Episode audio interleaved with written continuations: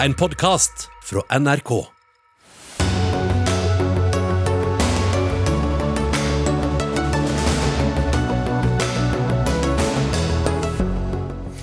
Sterke reaksjoner på Sveriges Nato-avtale med Tyrkia om kurdere. Tar nattesøvnen fra meg, sier Rødt-politiker. Det er en styrke for Nato at Sverige blir medlem, svarer Frp. Over dobbelt så mange har mistet livet i trafikken så langt i år, sammenlignet med samme periode i fjor. Hva har endret seg på så kort tid? Strømprisene fortsetter å øke. Løsningen er å kutte i eksporten, mener flere politikere, men klarer ikke å enes om hvordan. Og Regjeringen vil opprette ny havmiljølov, men hva er poenget når nåværende vernede områder blir overkjørt av fiskeri- og oljeinteresser, spør WWF. Riktig god torsdagskveld. Dette er uh, hovedmenyen i Dagsnytt 18. Jeg heter Espen Aas. Og Vi starter med Nato. For den som trodde at striden rundt Sverige og Finlands Nato-medlemskap var over, tro om igjen. Nå i ettermiddag har Tyrkias president Erdogan sagt at det tyrkiske parlamentet ikke kommer til å godta medlemskap dersom ikke landene oppfyller sine forpliktelser og løfter overfor ham. Der et løfte, ifølge den samme presidenten, skal være at Sverige skal utlevere 73 terrorister. Mens svenskene på sin side sier at eventuelle utleveringer de må skje etter svensk lov og folkeretten. Men se her, Aydar, stortingsrepresentant fra Rødt og selv kurdisk bakgrunn. Dere mener at Nato sitat, ofrer kurdere for å få Sverige og Finland til å bli medlemmer. På hvilken måte er det ofring her? Den avtalen som Nato har presset Finland og Sverige til å inngå med Tyrkia, viser veldig tydelig at det er kurderne som blir ofra. Det er men, men, tre men hvordan? Det, ja, det er tre, tre, eksempler på det. Det ene er at Sverige for eksempel, får beskjed om å eh, ikke støtte YPG, altså de som sto fremst i kampen mot IS. Eh, og jeg trodde jo at alle var interessert i at man skulle fortsette eh, å kjempe mot IS, og at de ikke skulle våkne opp fra de cellene sine. så det er jo det ene, at de som har stått imot IS, blir svikta. Det andre er at de utleveringsavtalene i seg selv er jo ganske problematiske. fordi at det er snakk om mennesker som etter svensk rett egentlig ikke har kunnet blitt sendt ut fordi at de eh, risikerer forfølgelse. Det er snakk om fengsling og tortur, eh, og det pleier jo ikke demokratiske land å godta. Eh, og det siste er at eh, Tyrkia er det landet som fengsler flest journalister, eh, som nå forsøker å få eh, land som i utgangspunktet er demokratiske, til å faktisk følge Tyrkias krav Eh, som handler om at ytringsfriheten for en del mennesker blir innskrenka. Og det syns jeg er utrolig skummelt og ikke minst farlig. Kristian mm. Tubring-Edde, stortingsrepresentant fra Fremskrittspartiet og medlem av utenriks- og forsvarskomiteen. Eh, er det en god avtale som eh, Tyrkia har presset gjennom? Sverige har inngått en avtale med Tyrkia og for så vidt også Nato som er god for Sverige. Eh, den er god for Europa og den er god for Nato. Eh, og Som europeisk innbygger og vi som bor i Europa og i Norge og en del av Nato, så er det selvsagt det som er viktig for Sverige i denne situasjonen, er også viktig for Norge. Så Det er en god eh, dag for Europa, for forsvaret av Norge og forsvaret av Europa. Kurdernes situasjon er i denne sammenheng ganske irrelevant, fordi det er et realpolitikk dette gjelder, og realpolitikken tilsier at Sverige ønsker å være medlem av Nato, er tryggere å være medlem av Nato. Vi er tryggere med at Sverige er medlem av Nato, og vi er også tryggere når Finland er medlem av Nato. Men er du komfortabel med at presidenten i et land med en helt, da, helt annen historikk da, både på menneskerettigheter og, og demokrati fortsetter eh, å presse to av våre naboland? Altså, dette er som sagt, eh, det har jeg diskutert mange ganger i dette studiet her, det er realpolitikk. Dvs. Si man må ta det man får og, og, gi det man må gi for å få den beskyttelsen man trenger. I dette tilfellet så må eh, Sverige endre noe av sin eh, innvandringspolitikk overfor kurderne. Hvordan de ser på kurderkonflikten i, i, Tyrkia. Der får Erdogan et kjempegod bargaining ship, som det heter, og det bruker han for alt det er verdt. Det er sånn internasjonale forhandlinger foregår. Og det er klart at Sverige kan ikke ofre sin sikkerhet fordi at det er noen kurdere som de mener ikke burde eventuelt leveres til Tyrkia, når Tyrkia hevder at de er terrorister. Hvorvidt de er terrorister eller ikke, er i denne sammenheng ganske underordnet når målet er mer sikkerhet for Europa og for Nato. Jeg, jeg syns det er ganske rystende å høre det, fordi at uh, her er det snakk om å ofre menneskeliv. Uh, og jeg skulle ønske at uh, vi kunne gå sammen om å forsvare svensk og finsk selvstyre til å bestemme sin egen politikk. At det ikke skulle bli pressa av et autoritært regime til å endre sine lover, for det er jo det som skjer. Og for det andre så snakker vi om sikkerhet, og det er jo sånn at det er ingen som har tjent med at IS skal vokse seg igjen, store igjen. Det å, trekke, det å si at man ikke skal støtte de som kjemper mot IS, samtidig som at Tyrkia truer med å gå til krig mot akkurat disse menneskene, det er en fare for at IS kan vokse. Mm. Og det Men- kan ikke jeg skjønne at man ikke er interessert i å stanse. Men hvis vi tar bare den biten som da eh, handler om kurdere som da bor i Sverige i dag. Når Sverige sier at de eh, skal da la svensk eh, lov og, og folkeretten gjelde, i hvilken grad er det da problematisk, hvis det er det førende? Hvis det blir det førende, noe jeg håper det blir, at eh, Sverige ikke endrer sine demokratisk vedtatte lover for å blidgjøre et autoritært regime, så vil jo det si at eh, disse menneskene kan fortsatt få beskyttelse. Men om Erdogan får vilja si, som han jo eh, i dag har gått ut eh, flere steder og sagt at han skal kreve for at han skal si ja til Sverige og Finland, så vil det være en katastrofe for eh, de menneskenes beskyttelse. Det er jo sånn at Uansett hva man skulle mene om det fra Norges side eller fra et annet lands side, så er jo de lovene i Sverige vedtatt demokratisk, og så har de et rettsvesen som skal eh, forholde seg til det. Det å kreve at det skal endre seg fordi at Erdogan har eh, noen ønske om å kunne styre mer enn Tyrkias grenser, det syns jeg egentlig er eh, veldig udemokratisk. Ok, det har du sagt. Altså, dette er, det er jo helt urimelig at, eh, at kurdere i, i Tyrkia skulle bestemme hvordan uh, europeisk sikkerhetspolitikk skal utarbeides og utformes. Uh, hvis man mener det. Så, så jeg håper jo også at Aydar her er mest opptatt av sikkerheten til Europa når hun bor i Europa, og at det er det som er hennes hovedfokus av hvordan vi skal sikre oss mot Russland i dette tilfellet. Og når vi snakker om å ta livet av folk osv., så, videre, så kan vi jo se hva Russland gjør i Ukraina. Og Dette er det vi prøver å unngå. Vi gjør det med avskrekking, og Sverige og Finland trenger vi for å gjøre en reell avskrekking i Europa. Og Da burde vi alle stå sammen i Europa om det, og ikke begynne å blande inn andre forhold som gjør at Europa blir mindre sikkert. Er Men er det ikke Tyrkia som blander inn eh, andre forhold? Dette er en del av et sikkerhetsbekymring for Tyrkia. De er medlem av Nato. De er ett av 32 land, forhåpentligvis. Det er ett av 30 nå. Og det er ett av de som er bekymringsfulle for det. De føler at deres behandling eh, av de øvrige Nato-allierte når det gjelder Kurdia-spørsmålet, som de mener er terrorister, er veldig eh, At de blir behandlet eh, urettferdig i forhold til andre Nato-land når de snakker om terrorisme. Ja. Og det må, det må også vi forstå, at de sitter i et annet sikkerhetsperspektiv enn det vi gjør i, på, i Europa. Jeg er bare nødt til å si noe i forhold til eh, anklagene og påstandene om terrorisme som eh, eh, kommer her, og for så vidt fra Erdogan. Og jeg skulle ønske at man avkledde Erdogans eh, propaganda på samme måte som man avkler Putins propaganda. Men det er jo sånn at Reportere uten grenser har sagt at uh, i Tyrkia så er det sånn at uh, det å være kritisk til regimet, det å uh, intervjue sensitive kilder, eller å ha krypterte meldingstjenester på mobilen sin, er nok for å bli anklaga for terrorisme for journalister i det landet.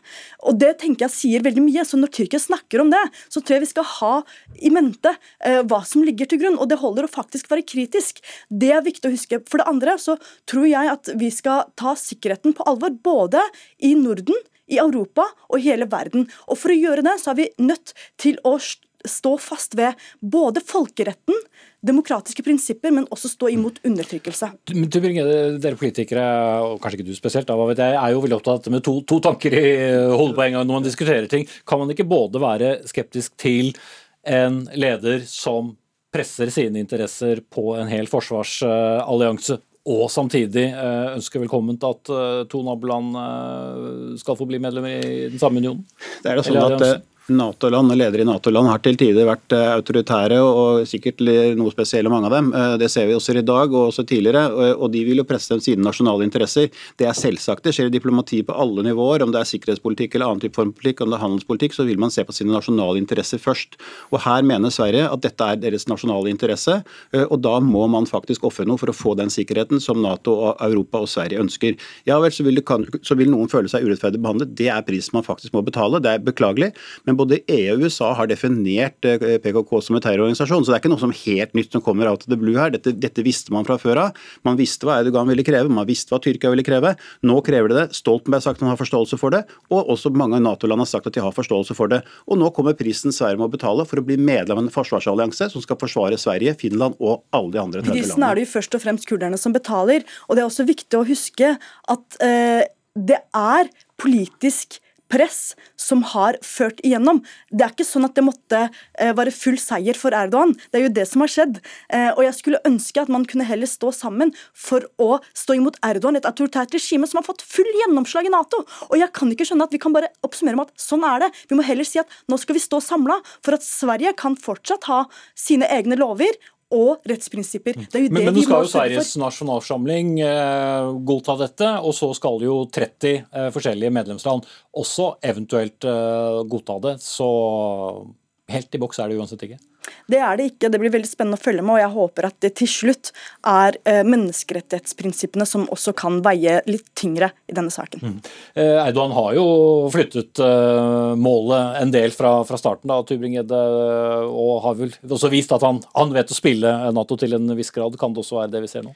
Ja, det er det. Altså, ikke minst våpenembargoen våpenembargo han han har opplevd. ved At de ikke får eh, kjøpe våpen fra Nato-allierte. Eh, Det har også vært noe som eh, har irritert han som en Nato-alliert, og ikke få kjøpe fra andre Nato-allierte. Virker jo litt, eh, litt underlig. Men så har han også vært eh, frekk nok og autoritær nok til å kjøpe forsvarsvåpen fra Russland, som gjorde at han gikk ut av det amerikanske F-35-programmet, eller ble kastet ut derfra. Ja, selvsagt. Han er en leder som prøver å utnytte mulighetene her. Og hvis han kommer tilbake til F-35-programmet, kampflyprogrammet, det er jo interessant å se hva amerikanerne vil behandle Tyrkia på denne måten. Men han ønsker å vinne noe ved dette ved å gi den gesten til Finland og, Sverige, som Finland og Sverige er vel så avhengig av som Erdogan. Så eh, har sikkert ikke han sagt siste ord, og debatten også er, også fullt i gang i Sverige, så vi ser hvordan det ender. Takk til Seher Aydar, stortingsrepresentant fra Rødt, og Christian Tybring-Gjedde, stortingsrepresentant fra Fremskrittspartiet.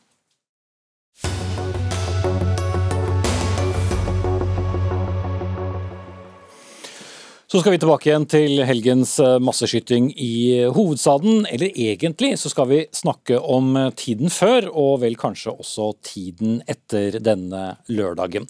For det å være skeiv, det kjennes eh, utrygt eh, i Norge lenge før det var en mann som kom til eh, de tre pubene i, i Oslo sentrum. Det har du, tidligere leder i organisasjonen FRI, Ingvild Endestad, skrevet om i en kronikk i VG denne uken. Og du var selv i Oslo sentrum natt til lørdag og vasket vekk glitter fra fjeset i frykt for å eventuelt havne i en farlig situasjon pga. din egen legning. Redselen, sier du, var ingen ny følelse. Men hva slags redsel går du med? Jeg, jeg tror det er en redsel som, som jeg har hatt hele tida, og som andre skeive folk og, og minoriteter har hele tida. At vi vet, vi vet at det er noen som ikke vil oss vel. Eh, det handler både om direkte fysiske angrep. altså Forrige pride satt jeg også på natta og snakka med venner som hadde blitt banka opp på vei hjem fra paraden, eh, og prøvde å finne ut hvor trygge de var. Eh, Men det handler også om de små stikkene. Det handler om eh, å åpne opp nettaviser og lese artikler om at transpersoner egentlig ikke skal ha rettigheter, eller om eh, at barn skal beskyttes mot sånne som oss. Og De stikkene kommer hele tida, både i de store og mer hatefulle uttrykkene, men også hver gang vi går til en ny lege hvor vi lurer på om, eh, om det er trygt for oss å gå der. Sånn at eh, Den følelsen jeg satt igjen med, var at jeg vurderte aldri å markere mine venner som trygge. Jeg vurderte å finne ut om de hadde unnsluppet det kuleregnet. Eh, Men i dagene etterpå har jeg vært kjemperedd, eh, og det var jeg også i dagene før. Men senest i går eh, satt Oslos byrådsleder i, i dette studioet og erkjente at den uh, utryggheten uh, nettopp fantes, og sier at det er en politisk utfordring. Blant annet kan ikke også alle de debattene som har kommet i kjølvannet av skytingen også føre til en endring, eller tror du ikke på det? Ja, det, det som er så vanskelig da, altså Selvfølgelig tror jeg på endring, ellers hadde vi jo ikke fortsatt den kampen. og Det er litt sånn, det er noe vi må gjøre. Men for oss som minoritet så føles det jo ofte ensomt når folk sier at de er sjokkert over det som har skjedd. Eh, fordi jeg tror ikke det er så mange av oss som er sjokkert. Vi er forbanna, vi er trist og vi er redd. Men det å ikke forstå at de små stikkene hele tida fører til mer utrygghet Vi har holdt på med aktiv skeiv kamp i, i 70 år, det er 50 år siden avkriminaliseringa. Men det er fortsatt sånn at, at eh, noen kan tillate seg, f.eks. politiet, å si at eh, dere må bare være litt mindre synlige fremover. Og når den kommunikasjonen kom, så, så er det en fortelling til oss som er Ja, men hva betyr det, da? En ting er at du kan slippe kjæresten din sin hånd. Hva betyr det for de som har et utseende som gjør at, eh, at de er synlig skeive? Kan vi gå ut av døra, f.eks.?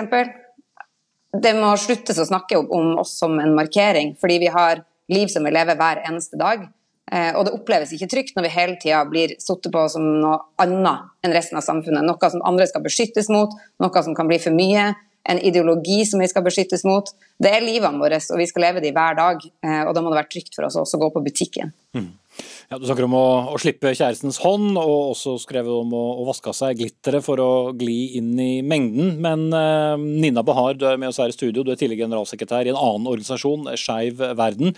Også skeiv, men du er, har også iransk uh, herkomst, og, og, sånn sett kan du i hvert fall ikke ta av deg det. Føler du deg alltid utrygg når du da slik sett representerer to minoriteter?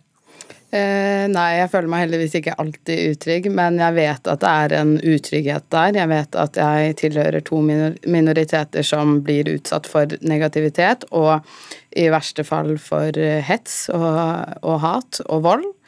Eh, og det at jeg er skeiv, eh, er jeg veldig åpen om, stort sett. Men det er jo sånn at vi hele tiden, eller jeg og veldig mange skeive med meg, hele tiden må vurdere eh, hvorvidt det er trygt å være åpen.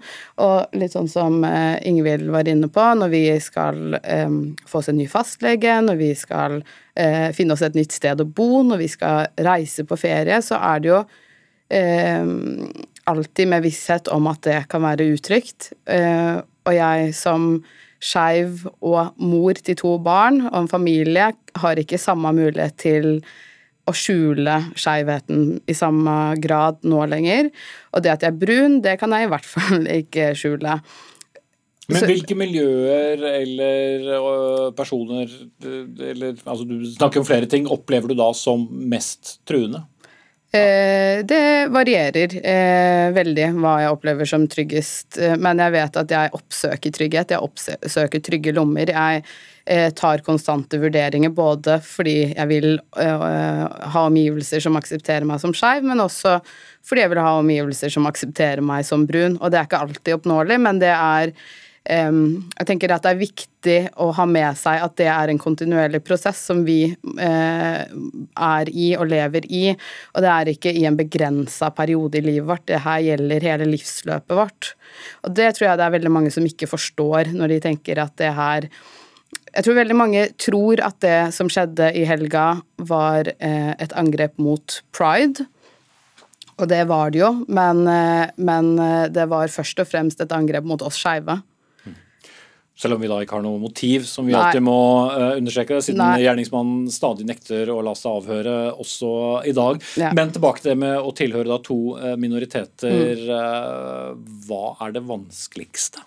Jeg vet ikke om jeg kan peke på én ting som er vanskeligst, men jeg tenker at vi eh, får eh, konstant signaler om at vi er annerledes, og det å være annerledes er ikke noe negativt i seg selv, men denne negativiteten blir knytta til visse trekk og stereotypier.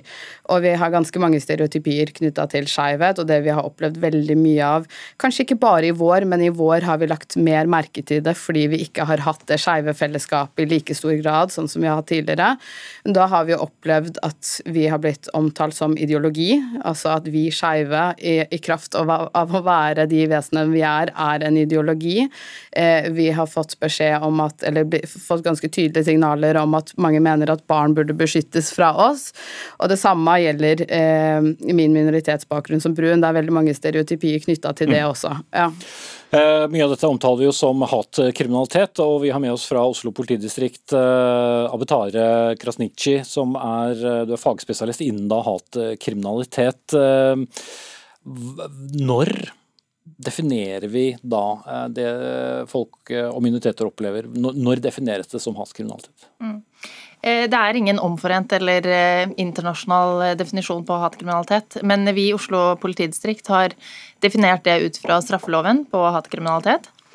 Og da sier vi at det er straffbare handlinger som helt eller delvis er motivert av eller har bakgrunn i hat eller negative holdninger til da disse fem vernede grunnlagene. Så da sier vi at det er hatkrim hvis det er mot etnisitet, religion, seksuell orientering, kjønnsidentitet eller kjønnsuttrykk, som kom med i fjor, eh, og nedsatt funksjonsevne. Mm. Så er det ikke vernet av en av de grunnlagene, så er det ikke hatkrim. Og så er det selvfølgelig at det må være en straffbar handling. Mm. Og hvor utbredt er da uh, hatkriminalitet uh, overfor for skeive og, og, transpersoner, som da er en ny kategori? Ja, um, det er endret til seksuell orientering, så tidligere hadde vi homofil orientering. Det jeg kan si er at Vi har veldig lave tall, så den registrerte hatkriminaliteten den er på 815 forhold på hatkrim i Norge, hvor 18% av disse er på seksuell orientering, og 7% er på kjønnsidentitet og kjønnsuttrykk. Så vi har lave tall, og derfor oppfordrer vi også at flere anmelder til oss, sånn at vi kan avdekke mørketallene. Mm. Men som du sa innledningsvis, det skal jo også ganske mye til for at det da defineres som, som hatkriminalitet. Så bevisbyrden her eh, er vel også en utfordring? Absolutt. Når det kommer til eh, hatefulle ytringer, så trenger man ikke noe nødvendigvis en motivasjon for å bli straffet for hatefulle ytringer, men det er hvordan eh, den umiddelbare eh, forståelsesmåten av det du sier, det er det som er viktig. Og så må man selvsagt se det i sammenheng med andre ytringer, hvis det er flere som er fremsatt samtidig.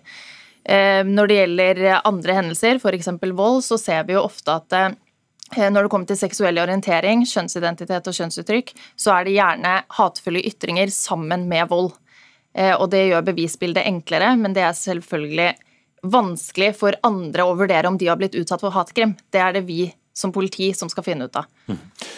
Og til tross for da at vi har en definisjon på hatkriminalitet, så er det vel da såpass mye som vil være, eller oppleves å være i grenseland? Var. Ja, jeg tror jo det aller meste vi opplever, og det som er mest belastende over et livsløp, er jo det som ikke er omfatta av straffeloven. For det å oppleve negativitet konstant eh, eh, på et eller annet nivå, enten det er direkte eller indirekte, det er klart at det påvirker oss både som individer og som gruppe. Mm. Men eh, kan man si noe om i hvilke miljøer man finner eksempler på, altså hvor det kommer fra, da, eh, eksemplene på hatkriminalitet? Ja, Som sagt så har vi veldig lave tall, så disse må vi vi må ikke ta det som fakta. Men det vi ser, spesielt når det kommer til seksuell orientering, eh, så har vi tidligere, før pandemien, sett at dette kommer i utelivsbildet. Eh, naturligvis så har dette gått ned under pandemien, eh, og så ser vi nå at Åsted er offentlig sted. Enten om det er til eller fra hjem, parker, eh, nærbutikken. Så det er hverdagslig kriminalitet, som dere også nevner. At dette eh, det er ikke nødvendigvis store hendelser, men det er dette noe som påvirker alle sammen hver eneste dag, og det er basert på den de er. Og dette skaper ikke bare frykt hos den ene som blir utsatt for det, men hos hele gruppen som identifiserer seg med den fornærmede. Mm. Eh, så det har potensial til å skape stor frykt, enda det bare er én enkelthendelse okay. i en butikk. Da sier vi takk til dere. Abatar eh, Krasnitsji, politiopptjent i Oslo politidistrikt. Nina Bahar, tidligere generalsekretær i Skeiv Verden. Og Ingvild Endestad, tidligere leder i FRI.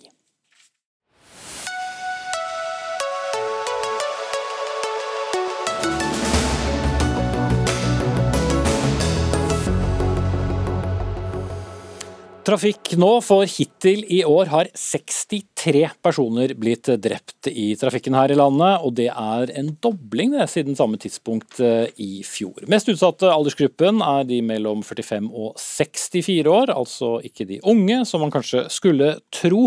Ingunn Handagard, pressesjef i NAF, eh, hva er årsaken til en så drastisk økning fra et år til et annet? Ja, Det er en veldig bekymringsfull økning vi ser nå, men det er nok litt tidlig å peke på noen helt klare årsaker til det. Eh, vi har eh, hørt Statens vegvesen litt tidligere i år eh, si at de mener at de ser mer risikoatferd i trafikken. Men det vi vet fra tidligere granskningsrapporter av ulykker, det er at en stor del av ulykkene de skyldes feil hos fører. Manglende førerdyktighet, som det heter da. Og Så kommer høy fart, rus, forhold ved bilen, f.eks. dårlige dekk eller eh, bremser som feiler, også inn. Og så har du forhold ved veien, som også bidrar til en stor andel av ulykkene. Mm. Men like fullt, det er altså eh, en dobling fra ett år til et annet. Og selv med mange småfaktorer, så er det jo en overraskende høy økning? Ja, det er veldig bekymringsfullt, som sagt. Og Vi stiller oss nå bak en kampanje som Statens vegvesen kjører, for nettopp for å snu den trenden. Og Da er det viktig at eh, vi tenker på hva er det faktisk som gjør at vi er trygge sjåfører der ute. Eh, og Der er det mange grep man selv kan ta. Og I tillegg så er det jo visse grep som politikerne også kan ta. Vi skal komme til politikerne snart, men samtidig, hvis du setter deg inn i mange moderne biler nå, de passer på farten, de sier fra hvis avstanden til kjøretøyet foran er for, for, for liten, de passer på biler på siden. Så teknologien burde jo også eh, være med på, iallfall, eh, å, å, å få tallene ned. Likevel så stiger det. Er ikke det også et eh, paradoks? Ja, det er absolutt et paradoks, fordi i moderne biler så har du førerstøttesystemer som nettopp, som du sier, hjelper deg med veldig mange ting. Det er nok også lett å la seg kanskje tro at de eh, systemene de løser mer for deg enn det du tror. Og du har jo ikke lov til å stole for blindt på disse autopilotene. Vi har ikke åpnet for det at du kan kjøre på autopilot på norske veier. I tillegg så har du også det at de systemene de er avhengig av å lese veien. De stoler på den skiltinformasjonen de får og den oppmerkingen i veibanen. Så Det er også faktorer som bidrar til at de systemene blir enda tryggere. Mm. Men du nevnte politikere, og de skal straks slippe til. Hva er det politikere først og fremst kan gjøre? En ting som vi er veldig opptatt av med det bakteppet at det faktisk er førerfeil som fører til mange av ulykkene, det er nettopp det å se på hvilke grep kan vi ta på veiene som gjør at et lite feilgrep ikke blir til en alvorlig ulykke. Og Der er det grep som å forsterke eh, midtoppmerking, mer vei med midtdeler. Og også det på eh, fylkesveiene hvor du ser mange utforkjøringsulykker. Passe på at sideterrenget eh, det blir litt teknisk, er eh, ryddet, slik at hvis du er uheldig og kommer ut for et spor, eller slik, så fører ikke den feilen til at eh, du kommer ut for en alvorlig ulykke. Mm. Dette er ting jeg syns jeg også hørte om uh, på 90-tallet og kanskje på 80-tallet også. Jon Ivar Nygaard, samferdselsminister fra Arbeiderpartiet, med oss på, på linje fra, fra, bilen, tror jeg. Eh, hvorfor uh, klarer man ikke å gjøre veier tryggere? Det er viktig å si da innledningsvis at vi i Norge er verdensmestere på trafikksikkerhet.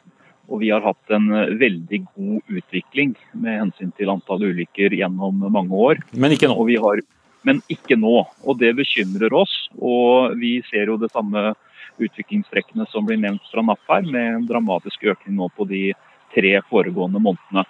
Og det er riktig som det blir sagt, at det handler veldig mye om førerfeil. Det handler om eh, manglende oppmerksomhet på det å være trafikant og medtrafikant.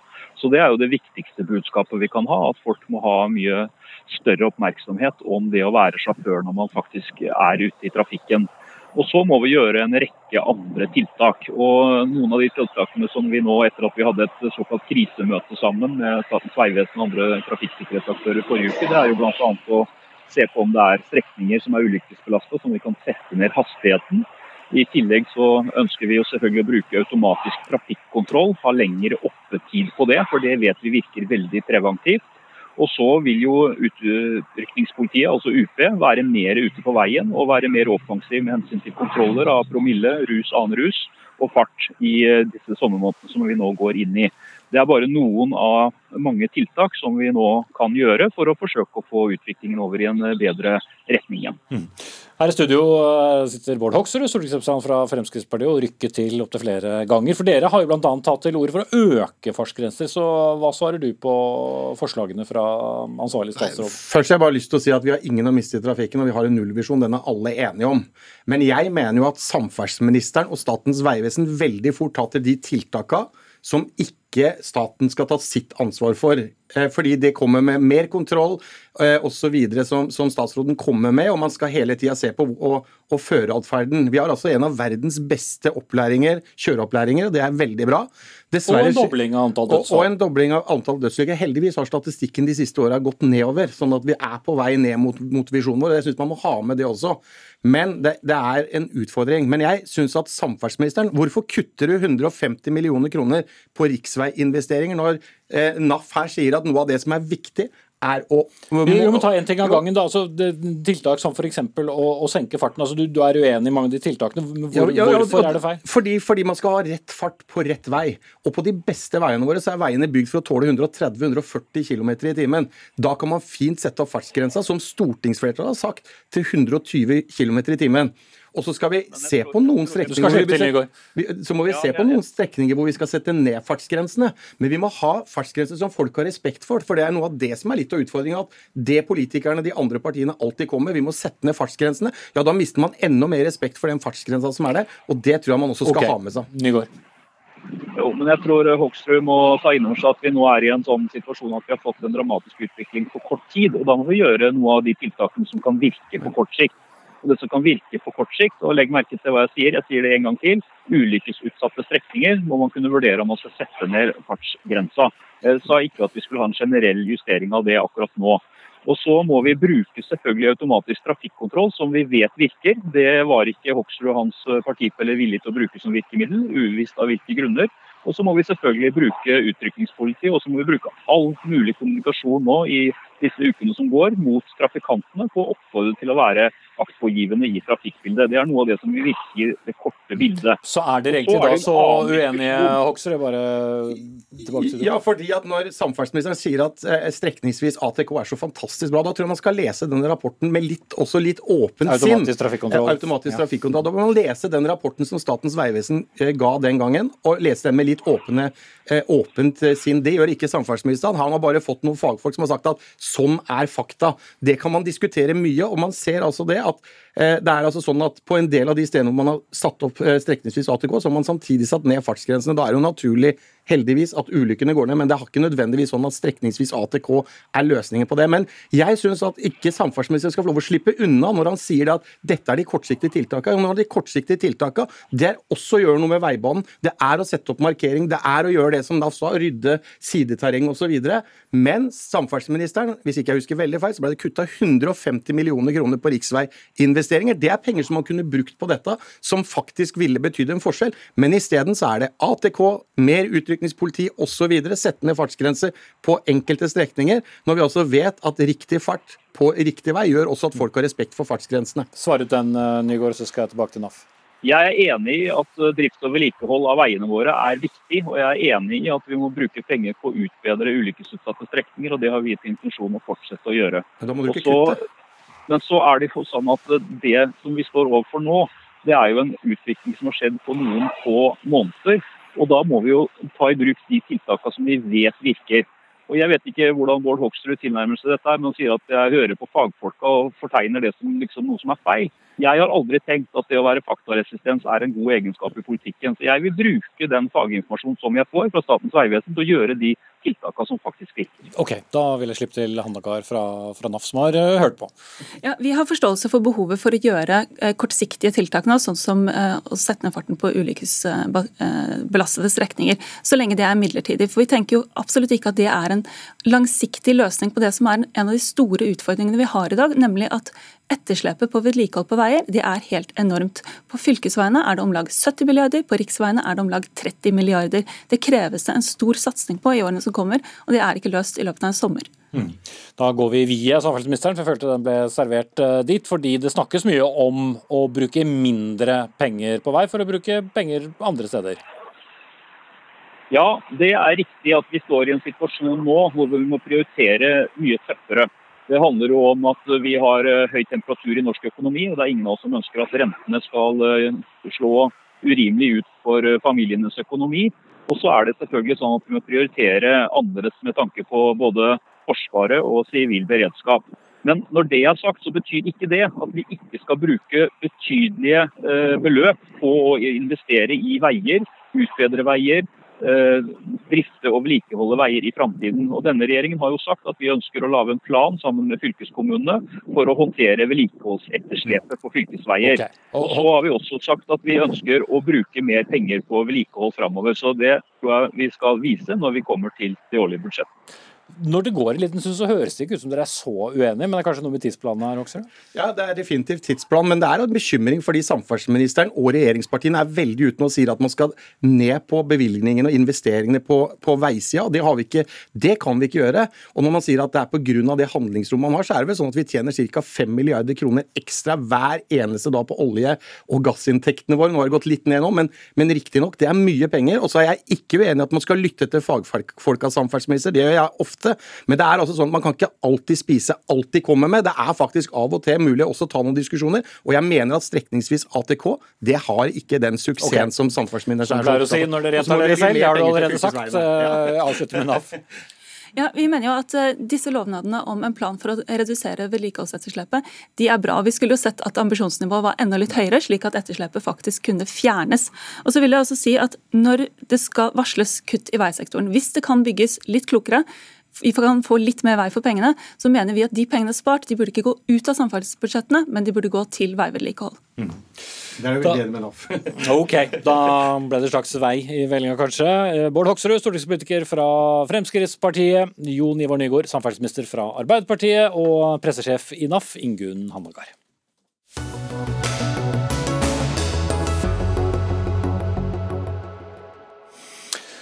Det går mot en eh, anstrengt kraftsituasjon her i landet, i et år der det både er eh, satt eksportrekord, prisrekord, men samtidig også en negativ rekord, nemlig svært lave nivåer i vannmagasinene. Statnett skal derfor eh, utrede om det kan bli behov for strømrasjonering.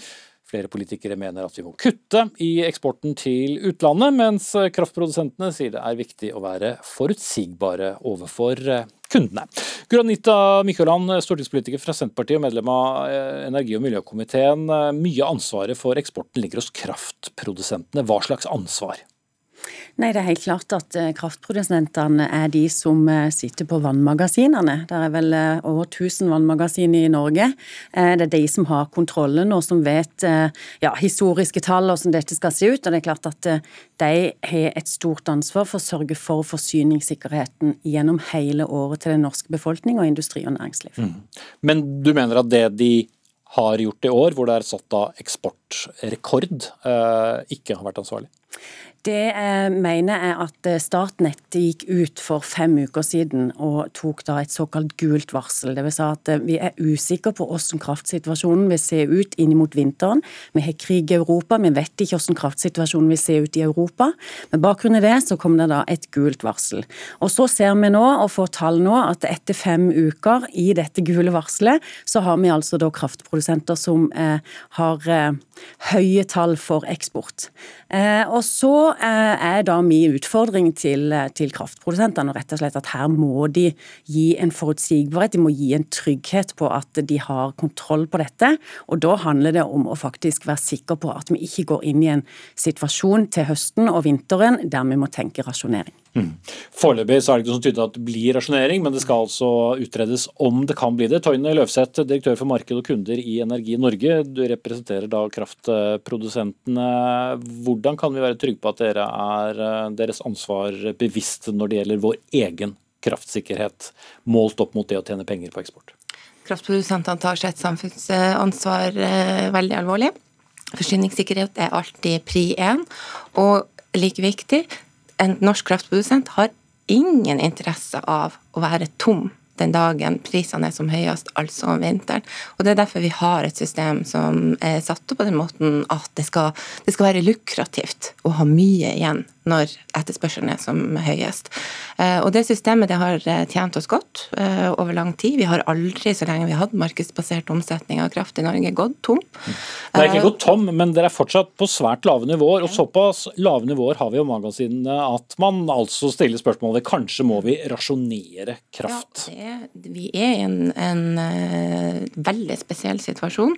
Kombinasjon av lite nedbør i sør i Norge og de høye prisene rundt rundt oss, i, i landene rundt oss, den høye etterspørselen, gjør at vi er i en veldig, veldig spesiell situasjon. Men norsk, vi har tillit til at norske kraftprodusenter som alltid har gode systemer for å vurdere hvordan de skal disponere vannet. og Meldinga fra NVE er krystallklar. De sier det, de, NVE vet at norske kraftprodusenter har gode systemer for å disponere vannet sitt. Det de har sagt, er at man må være særlig oppmerksom på at vi er nå i en situasjon som vi ikke har sett før. Uh, og den meldinga har vært veldig tydelig og klar, og vi har tillit til at norske oh, okay. kraftprodusenter har tatt den. Og når du sier at de, det, vi, det, vi, ser, det er jo at, at produksjonen har ikke nødvendigvis blitt redusert. Norske kraftprodusenter eksporterer ikke, de, de gjør et valg om, om, hvorvidt de skal produsere og til hva slags pris. Og så ville man kanskje forventa, eller det du sier du skulle ønske at norske kraftprodusenter hadde produsert mindre eh, nå. Du ønsker på sett og vis at prisen ville skulle vært høyere eh, nå. Men eh, det vi, det vi ser, er at, at produksjonen har ikke gått eh, spesielt mye ned. Men det trenger ikke å bety at det er produsenter med lave nivåer i sine magasiner som, som produserer. Det, vi, det er midt på sommeren, det elvekrafta går for fullt, eh, og de produserer det som remmer og Men det er vel særlig det som kommer etter sommeren som vi er opptatt av, da, Mykjåland? Ja, for det er klart når NVE ut igjen, må gå ut igjen etter fem uker og på en måte komme med en ny advarsel, og, eh, der de sier at det her må eh, kraftprodusentene være sitt ansvar bevisst, så er det, en grunn til at Kjetil Lund går ut på den måten etter fem uker etter forrige varsel. Eh, vi vet jo eh, ikke nå hvordan kraftsituasjonen vil se ut i Europa til vinteren. Eh, det er helt riktig at vi ikke har stått overfor denne situasjonen før, og da undrer jeg meg hvorfor vi nå er med på å øke eksporten så mye som vi har gjort de siste fem ukene, når vi faktisk er klar over at den kommende vinteren så vet vi ikke hvordan kraftsituasjonen vil se ut i Norge eller i Europa. Svar kort på det, Løvseth. Nei, de, eh, Det som produseres nå, det er, produseres på en forventning om at eh, det er bra for oss og det er bra for samfunnet å at vi produserer nå. eh, Og ikke venter til senere. Men det er ingen produsenter som tjener på å være fri når, eh, når vinteren kommer. Da okay. skal de ha mye. Det vet de. Men det er et, noe imellom der òg. Men eh, Marius Aron Nilsen, du er stortingsrepresentant fra Fremskrittspartiet, også medlem av energi- og miljøkomiteen på, på Stortinget. Mm, Dere eh, mener at hovedansvaret her først og fremst ligger på regjeringen og regjeringspartiene. Hvordan da? Det stemmer det. Det er de som er regulerende myndighet, og regjeringen og det offentlige det eier 95, til, eh, 95% av all kraften som produseres i Norge. Så det vi hører her er jo en massiv ansvarsfraskrivelse fra regjeringen, der man nå prøver å skyve eh, ansvaret over på eh, kraftprodusenten istedenfor å gå ut og gjøre det som vi har sagt lenge. eh, Begrensning og regulering av krafteksporten. For det er jo med all tydelighet så virker det som både Energi Norge og kraftprodusentene er litt fartsblinde og, og tar det for gitt at vi kan importere strøm når eh, høsten kommer eh, fra Europa. Det er det ingenting som tilsier at vi kan i noe stort monn. Europa har gigantiske problemer med kraftkrise. og Britene gikk senest ut i går og sa at de kom til å stenge energieksporten til, til Belgia og Nederland, altså til Europa, hvis det ble en verre kraftkrise.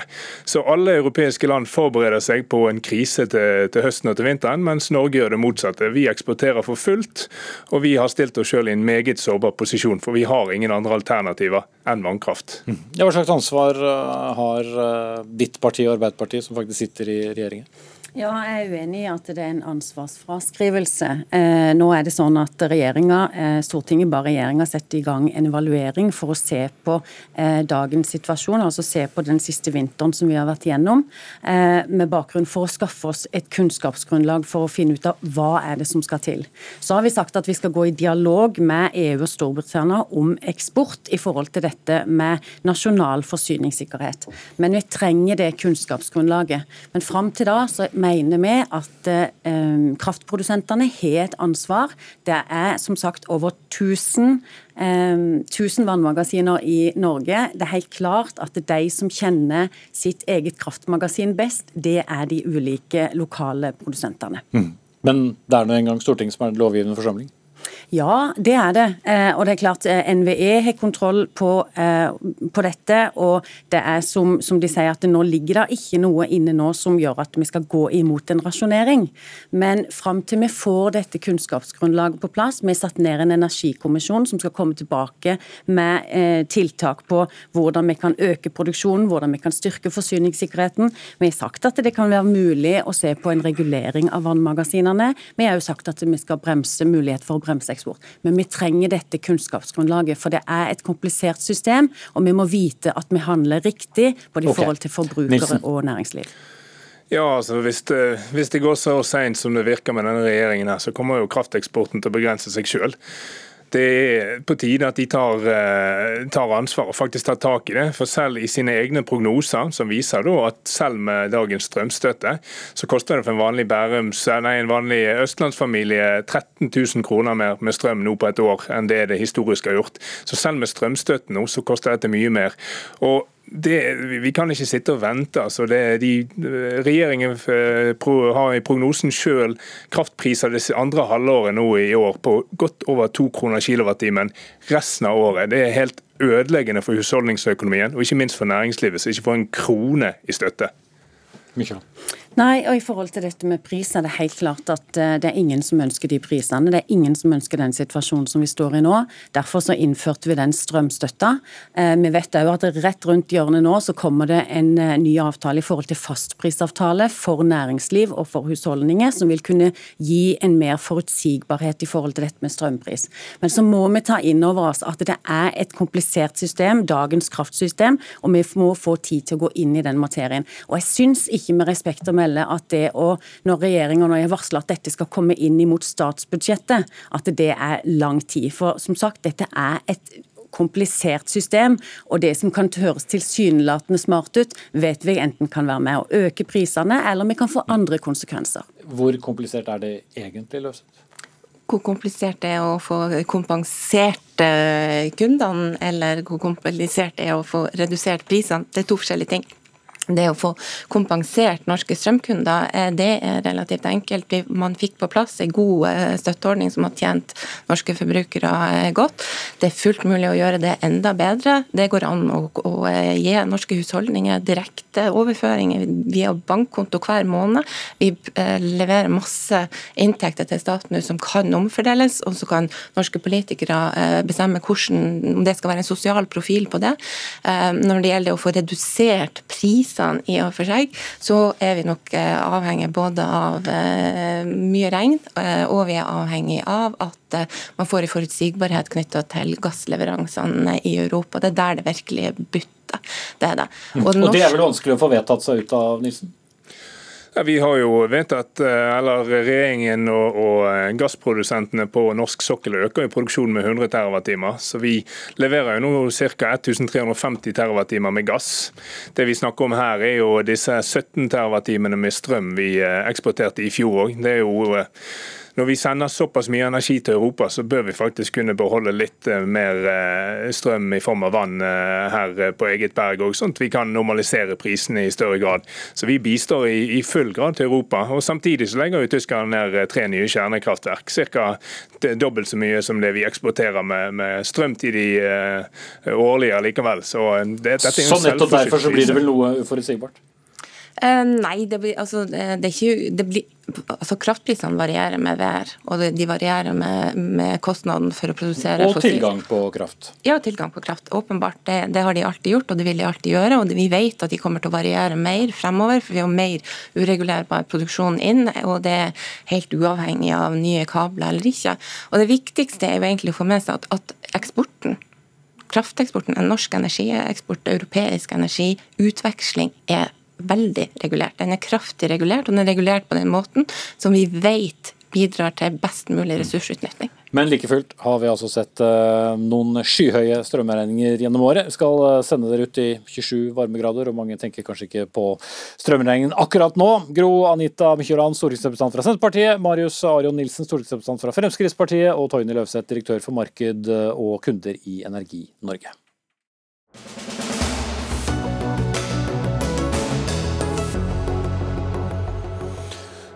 Forslaget til ny havlov gjør det mulig å verne havområder opptil 200 nautiske mil fra land, mot 12 nautiske mil i dag. Denne uken har Norge deltatt på FNs havkonferanse i Lisboa, der det også ble erklært havkrise.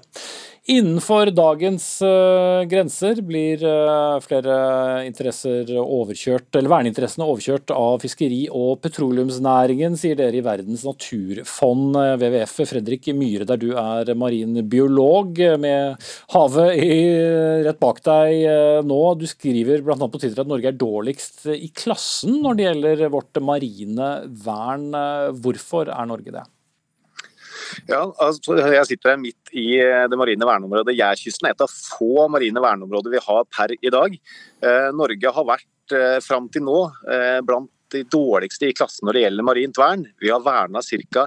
1% av norske havområder fram til i dag. Vi skulle ha vært på 10% innen 2020. Det begynner å bli noen år siden. Og nå sier også verdens ledende havforskere at vi trenger å verne minst 30% av verdenshavet innen 2030 om vi skal klare å redde det livet som vi alle er avhengig av, nemlig det livet som er i havet. Mm. Men når regjeringen da skal øke da denne grensen med å kunne verne havområder opp til 200 nautiske mil fra land, hvordan er det feil? Nei, det er kjempebra. Eh, dette er noe vi har jobba for lenge. Å få en helhetlig lov som skal da kunne verne også natur utenfor 12 nautiske mil, og da i hele norsk økonomisk sone som strekker seg ut i 200 nautiske mil. Så dette er veldig bra. Men så er det jo det at vi trenger å fylle den loven da med innhold, og ikke minst sørge for at uh, den loven får en politisk gjennomføringskraft, så at den blir grunnbjelken i av havforvaltning utenfor, ut til 200 nautiske mil. Og så må vi parallelt da sørge for at den søsterloven da, som heter naturmangfoldloven, som også er den helhetlige loven som tar vare på natur innenfor 12 nautiske mil, at begge disse to lovene blir fulgt opp og blir ryggraden i norsk havforvaltning framover. Mm. Maria Vertrassian, politisk rådgiver for klima- og miljøminister Espen Barth Eide fra Arbeiderpartiet. Dere var da på denne hav havkonferansen. Eh, hva kan du si for å berolige WWF på at eh, det som nå kommer, er nettopp det vernet som trengs? Først av alt så vil jeg si at det er et skrikende svare på. Ja, svare på. Eh, at det er et skrikende behov for et taktskifte i havpolitikken. Det henger sammen med naturpolitikken og klimapolitikken. For det er helt riktig som, som Fredrik eh, peker på, det er, eh, det er, behov for å gjøre mer. Og det er nettopp det regjeringen er i gang med. Vi har eh, for i forrige uke vernet eh, Lopphavet, som er Norges hittil største marine verneområde. Eh, som programleder var inne på, så har vi denne uken annonsert at vi skal starte et arbeid med en ny havmiljølov, som vil muliggjøre opprettelse av marine verneområder utenfor 12 nautiske mil. I tillegg til dette så er vi i gang med et krafttak for Oslofjorden, som er nærnatur for over halvannen million mennesker. Og så jobber vi med å lage næringsplaner for havområdene som skal bidra til sameksistens mellom næringer, nye og gamle, og ikke minst, og kanskje aller viktigst, mellom næringer og natur. Mm. Og Det er jo det jeg vet bl.a. også WWF er opptatt av. For, hva betyr et vern eh, egentlig, og i hvor stor grad har da eh, f.eks. fiskeri og, og, og oljeinteresser adgang? Altså, Marint vern handler om å bevare eh, naturverdier. Det er så enkelt som det. Og Så vil det variere basert på hvilket område man, man, ser på, hva det er konkret man vil verne. Ofte så er det veldig mye på, på bunnen eh, som, som, skal vernes, og ikke nødvendigvis opp i havsøylen. Og Så må man se på da hva slags aktivitet er det man vil legge til rette for eller stramme inn for, som da vil være i direkte konflikt med de verneverdiene. Og hvordan håndhever man det?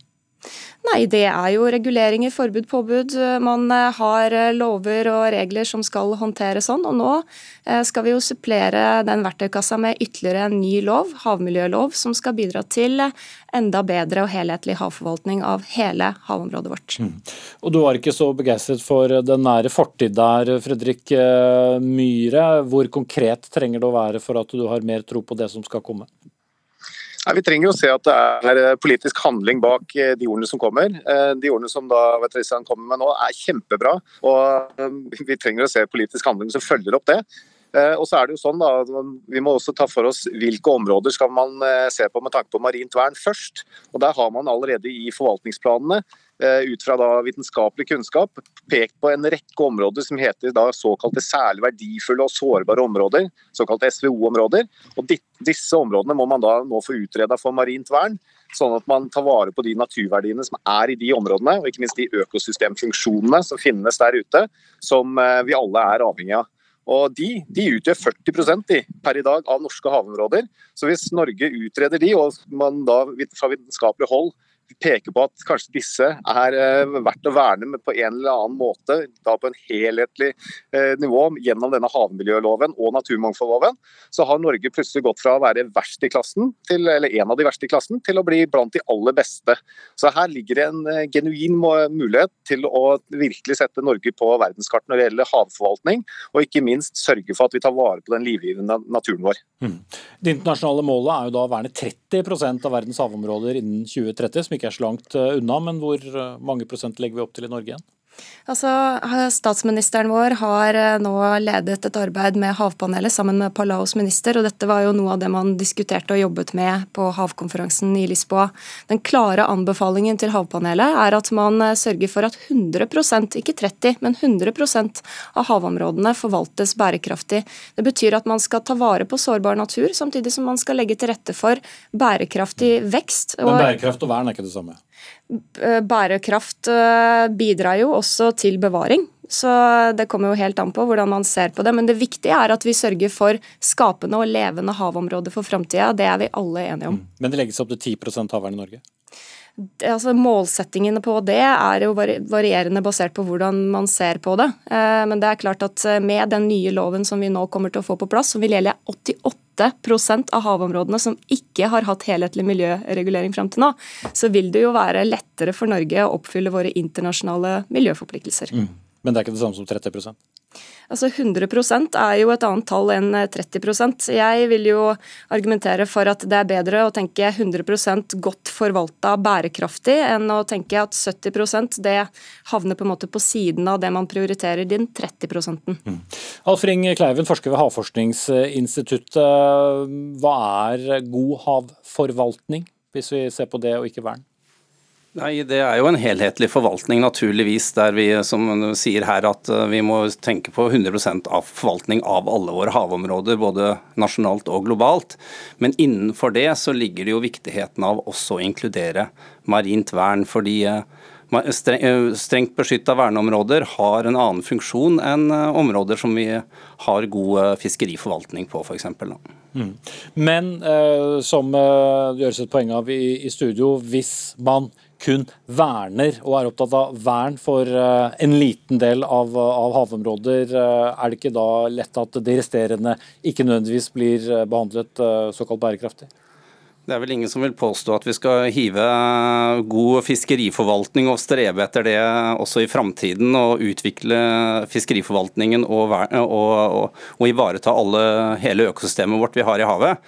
Men, men marine verneområder uh, har en spesiell funksjon i ivaretagelse av, uh, av havnaturen, og, og, må ses i den konteksten som en, en del av den totale forvaltningen. Mm. Men kan man da også drive f.eks. fiskeri i vernede områder?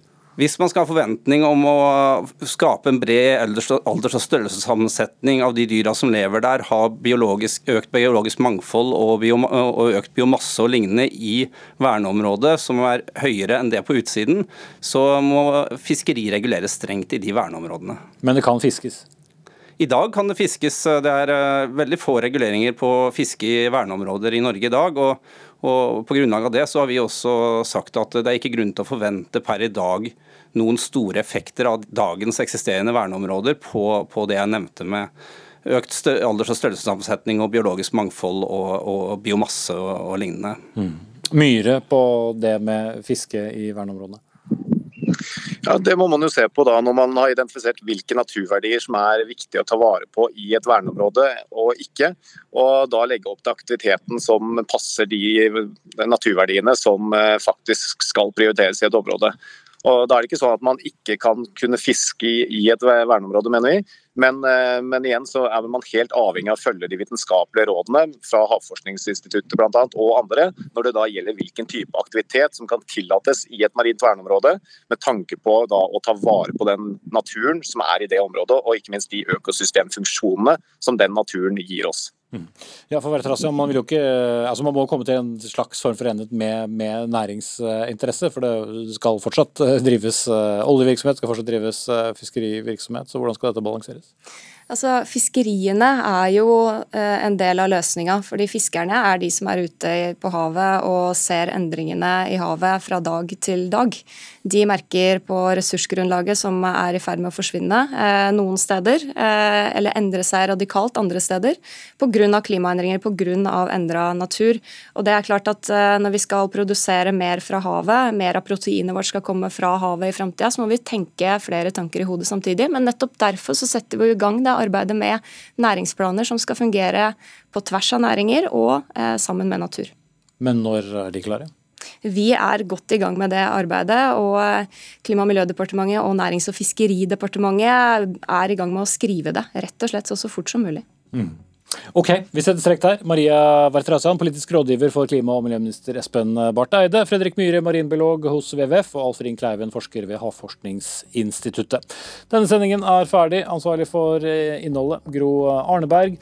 Lisbeth Sellereite tok seg av det tekniske. Jeg heter eh, Espen Aas. Vi er tilbake igjen i morgen, samme tid eh, og samme sted. Takk for nå.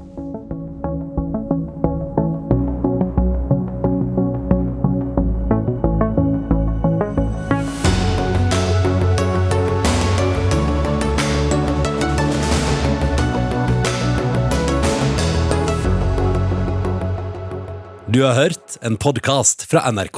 Hør flere podkaster og din favorittkanal i appen NRK Radio.